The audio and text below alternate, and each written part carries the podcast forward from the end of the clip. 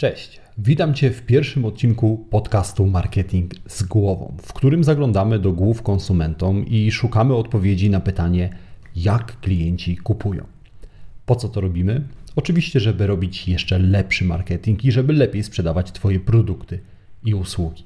Ten premierowy odcinek otwiera serię podcastów, w których porozmawiamy o cenach, a dokładnie o tym, jak sprawić, aby Twoi klienci byli mniej wrażliwi na ceny.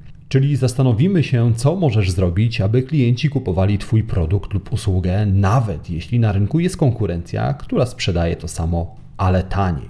Bo umówmy się, każdy z nas chciałby sprzedawać swoje produkty lub usługi po cenach, które dają nam największy zysk. A to oznacza, że nie chcemy być zbyt tani. W tym odcinku obalimy pewne mity dotyczące cen, zbadamy dlaczego niektóre produkty sprzedają się tylko po podwyżce i dowiemy się dlaczego restauracje w menu umieszczają wina, których nie da się kupić. Ja nazywam się Łukasz Chodorowicz i na co dzień pomagam firmom takim jak Twoja odnieść sukces tworząc skuteczny marketing. Zaczynajmy.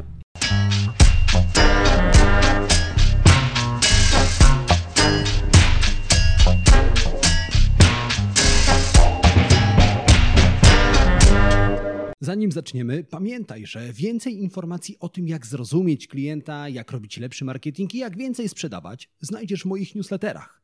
Tak, są dwa. Jeden darmowy, drugi płatny. Linki do obu znajdziesz w opisie tego odcinka podcastu. Zerknij, poczytaj i dołącz do tysięcy przedsiębiorców, marketerów i handlowców, którzy co tydzień dostają zastrzyk wiedzy, dzięki której ich firmy rosną jak na drożdżach.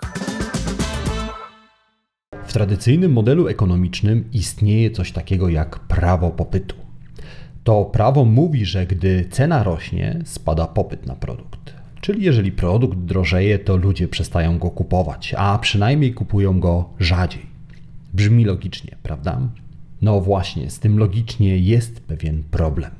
Tradycyjny model ekonomiczny zakłada, że klient jest stworzeniem racjonalnym – Analizuje każdy zakup i z matematyczną dokładnością rozważa wszystkie za i przeciw. Bada cenę, jakość i wartość. I kupuje tylko wtedy, kiedy zysk jest większy od kosztów, czyli kiedy to, co otrzymuje w zamian, jest więcej warte od pieniędzy, które wydaje. Jednak w rzeczywistości jest inaczej. Ludzie nie są zimnymi robotami, którzy na chłodno kalkulują każdy zakup. Podejmując decyzję o zakupie, częściej niż logiką kierujemy się emocjami. Być może niektórym wyda się to szokujące. W końcu wszyscy chcemy wierzyć, że zachowujemy się racjonalnie i logicznie, szczególnie podczas zakupów.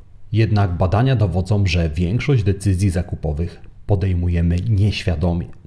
Profesor Gerald Zaltman z Uniwersytetu w Harvardzie twierdzi, że emocje decydują o naszych zakupach w 95% przypadków.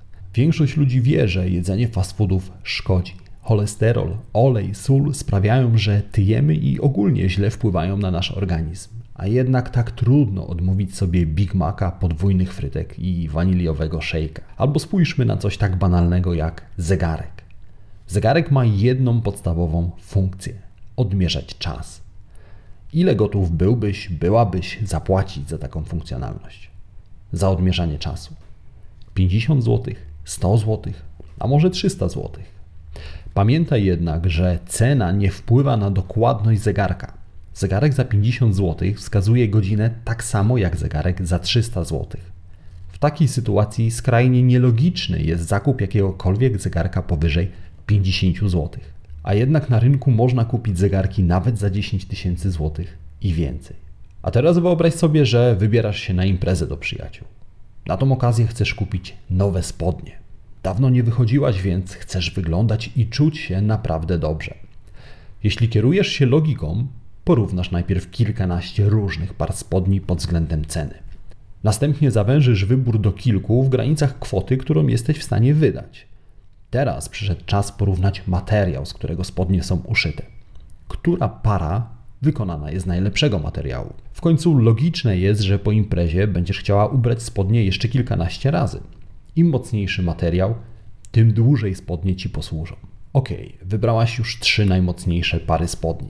Teraz czas zastanowić się nad kolorem.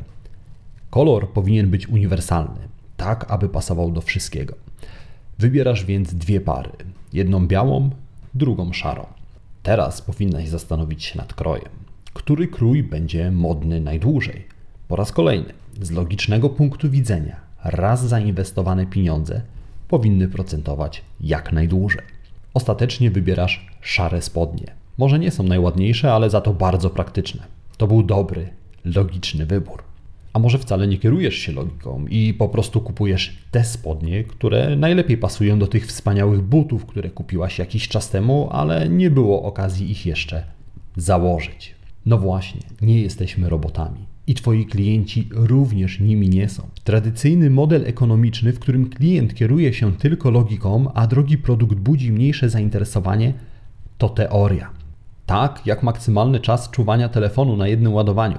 Niby producent pisze, że 6 dni, ale zaraz po tym dodaje drobnym drukiem, że te 6 dni to przy założeniu, że z telefonu nie korzystasz. W prawie popytu również powinna znaleźć się taka gwiazdka i dopisek drobnym drukiem, że prawo popytu nie uwzględnia emocji oraz czynników psychologicznych, które wpływają na konsumenta. No dobrze, skoro ustaliliśmy, że ludzie częściej kierują się emocjami niż logiką, to czy możemy tą wiedzę w jakiś sposób wykorzystać? Czy emocje rzeczywiście mogą sprawić, że ludzie wybiorą droższy produkt, nawet jeśli mogą kupić tańszy? A może czynniki psychologiczne wpływają tylko na tanie zakupy? W końcu wydać 20 zł to nie to samo, co wydać 200 zł. Aby poznać odpowiedź na to pytanie, musimy cofnąć się kilkadziesiąt lat wstecz, do lat 60. Poznaj Minivac 601. Szybki komputer biurowy. Szybki jak na tamte lata, oczywiście. Moc obliczeniowa nie była jedyną zaletą Minivaca. Komputer był również niewielki. Bez problemu mieścił się na biurku.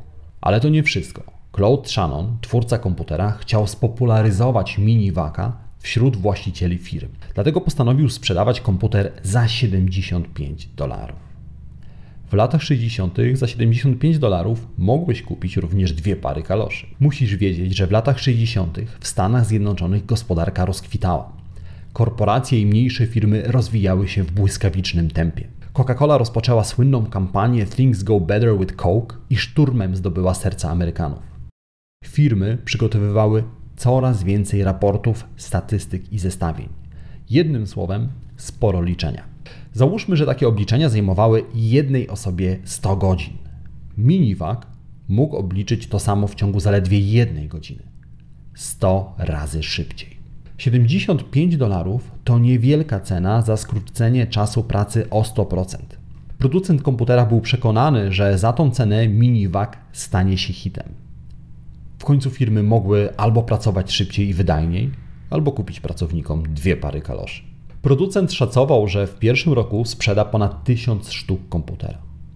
Taka w każdym razie była teoria. W rzeczywistości komputer nie wzbudził żadnego zainteresowania. Mimo potężnej kampanii marketingowej, zaledwie kilka firm kupiło miniwaka. Producent pompował coraz więcej pieniędzy w kampanię reklamową, ale bez efektów. Sprzedaż zastygła w miejscu. Komputer był szybki, solidny, kompaktowy i do tego tani. Twórcy miniwaka nie mogli zrozumieć, co poszło nie tak. Być może komputer był zbyt nowym produktem, być może firmy nie były jeszcze gotowe na taki postęp. Ale w latach 60. Coca-Cola zaprezentowała nowy napój. Nazywał się Tab. Nazwę wygenerował komputer, więc nie mogło chodzić o to, że firmy nie rozumieją korzyści, jakie wynikały z posiadania komputera. Coś innego sprawiło, że minivac nie wzbudził zainteresowania. Nikt jednak nie potrafił zrozumieć, co to takiego. Wydawało się, że nad minivakiem 601 ciąży klątwa. I wtedy producent zrobił coś nieoczekiwanego.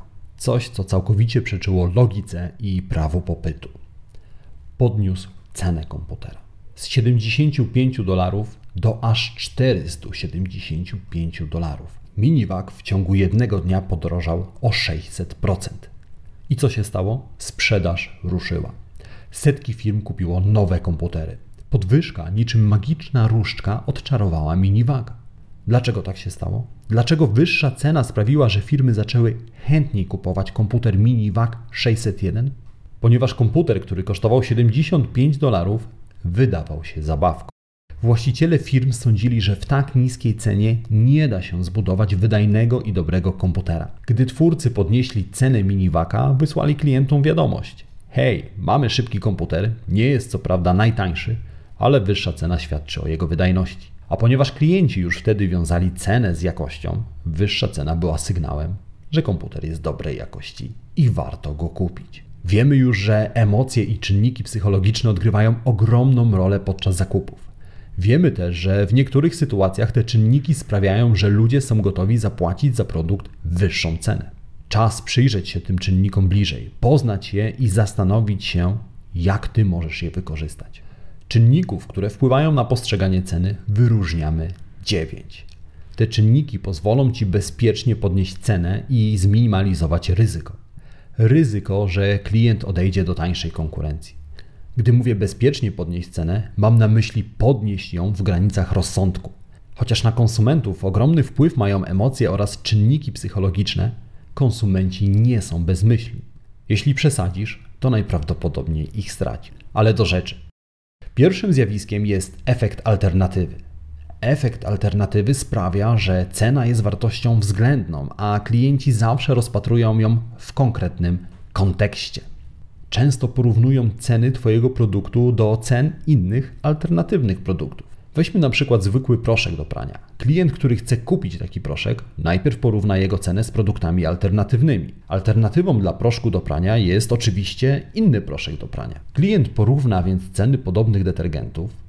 Jeśli nie zobaczy różnicy w składzie proszku i rozmiarze opakowania, to w myśl hasła, jeśli nie widać różnicy, to po co przepłacać, sięgnie po produkt tańszy.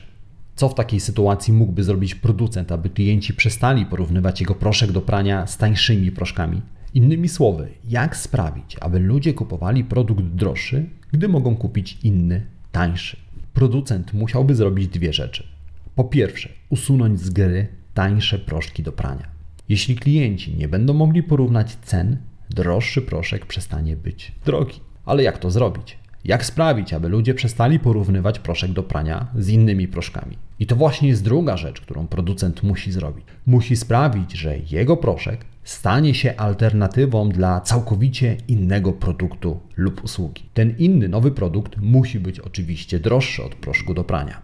Dokładnie takie dwa cele postawił sobie producent proszku Woolite. Proszek Woolite nie był najtańszym proszkiem na rynku. Jak się domyślasz, klienci stale porównywali jego cenę do tańszych proszków. W efekcie Woolite sprzedawał się słabo. Wtedy producent postanowił zmienić narrację wokół proszku. Wcześniej produkt reklamowany był jako proszek, który rewelacyjnie pierze ubrania. Producent zaczął więc reklamować produkt jako proszek, który pierze ubrania tak dokładnie jak pralnia mechaniczna. Widzisz różnicę?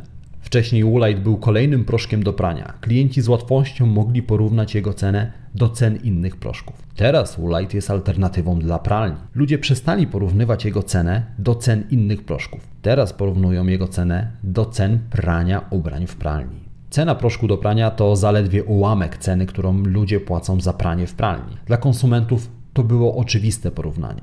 Produkt przestał być drogim proszkiem, a stał się tanią pralnią, którą możesz mieć w domu.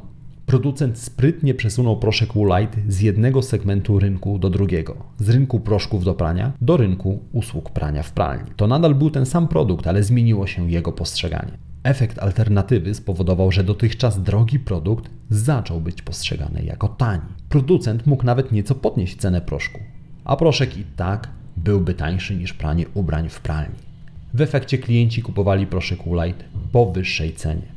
Teraz chciałbym, abyś zastanowił się, zastanowiła się, do jakich produktów klienci porównują ceny Twojego produktu. Co jest najbliższą alternatywą, z którą konkurujesz? Czy możesz zmienić to, jak klienci postrzegają Twój produkt lub usługę? Czy możesz przenieść produkt lub usługę do innej kategorii? Takiej, w której klienci zaczną porównywać ceny Twojego produktu do droższych alternatyw. Dzięki temu sprawisz, że Twój produkt lub usługa wyda się klientom tańsza. No dobrze, ale co jeśli uznasz, że nie możesz lub nie chcesz zmienić tego, jak klienci postrzegają Twój produkt? Co zrobić w takiej sytuacji? Jak sprawić, by klienci przestali uważać Twój produkt za drogi? Odpowiedź na to pytanie znajdziemy w restauracji, a dokładnie w karcie winnym. W restauracjach ceny przyzwoitych win kształtują się na poziomie 100-150 zł za butelkę, ale bardzo często obok tych win trafisz na butelkę wyjątkowo drogiego wina. Takie droższe wino może kosztować nawet 1000 zł za butelkę. Ale najciekawsze jest to, że gdyby z jakiejś bliżej mi nieznanej przyczyny zamówił to drogie wino, to okazałoby się, że akurat się skończyło. Tak naprawdę restauracja nigdy nie miała ani jednej butelki tego drogiego wina w magazynie. Kto o zdrowych zmysłach sprzedaje coś, czego fizycznie nie posiada? O co tu chodzi? Gdy nie wiadomo o co chodzi, to najczęściej chodzi o kasę. Tym razem chodzi o kasę i efekt alternatywy. Tak jak wcześniej ustaliliśmy, ludzie zawsze rozpatrują ceny w określonym kontekście, a wino za 1000 zł ma jeden cel stworzyć kontekst. Gdy w karcie są tylko wina w cenach od 100 do 150 zł za butelkę, wszystkie wydają się jednakowo drogie, zbyt drogie i klienci rzadziej je kupują. Ale wystarczy, że do karty dodamy wino za 1000 zł, a wszystkie pozostałe wina w magiczny sposób stają się winami tanimi. Goście zaczynają porównywać ceny pozostałych win do wina za 1000 zł. Oczywiście wino za 100 zł wydaje im się wtedy dużo tańsze. W końcu czymże jest 100 zł w porównaniu z winem za 1000 zł? Poza tym mamy okazję napić się wina w naprawdę dobrej restauracji, skoro mają tu nawet tak drogie alkohole. W takiej sytuacji wina za 100 zł stają się tanimi alternatywami i sprzedają się lepiej. Na dzisiaj to wszystko. Trzy rzeczy, które chciałbym, abyś zapamiętał, abyś zapamiętała z tego podcastu. Po pierwsze, pamiętaj, że klienci zawsze porównują ceny. Porównują ceny Twojego produktu do cen tańszych alternatyw. Jeśli nie widzą różnicy, wybierają produkt tańszy. Po drugie, pamiętaj, że masz wpływ na to, jak klienci postrzegają Twój produkt oraz jego cenę. Możesz decydować o tym, z jakimi produktami klienci będą porównywali Twój produkt. Po trzecie, pamiętaj, że klient kupi Twój produkt po wyższej cenie, jeśli jako alternatywę przedstawisz mu produkt jeszcze droższy. Do dzieła. A jeśli to, czego właśnie się dowiedziałeś, dowiedziałaś, uznasz za przydatne, to oceń proszę ten odcinek, zostaw komentarz i być może zechcesz udostępnić go komuś znajomemu, komu przyda się ta wiedza. W kolejnym odcinku porozmawiamy o drugim efekcie, który sprawia, że klienci będą gotowi za Twój produkt lub usługę zapłacić wyższą cenę. Ten efekt nazywa się efektem kosztów zmiany. Słyszymy się za kilka dni. Do usłyszenia.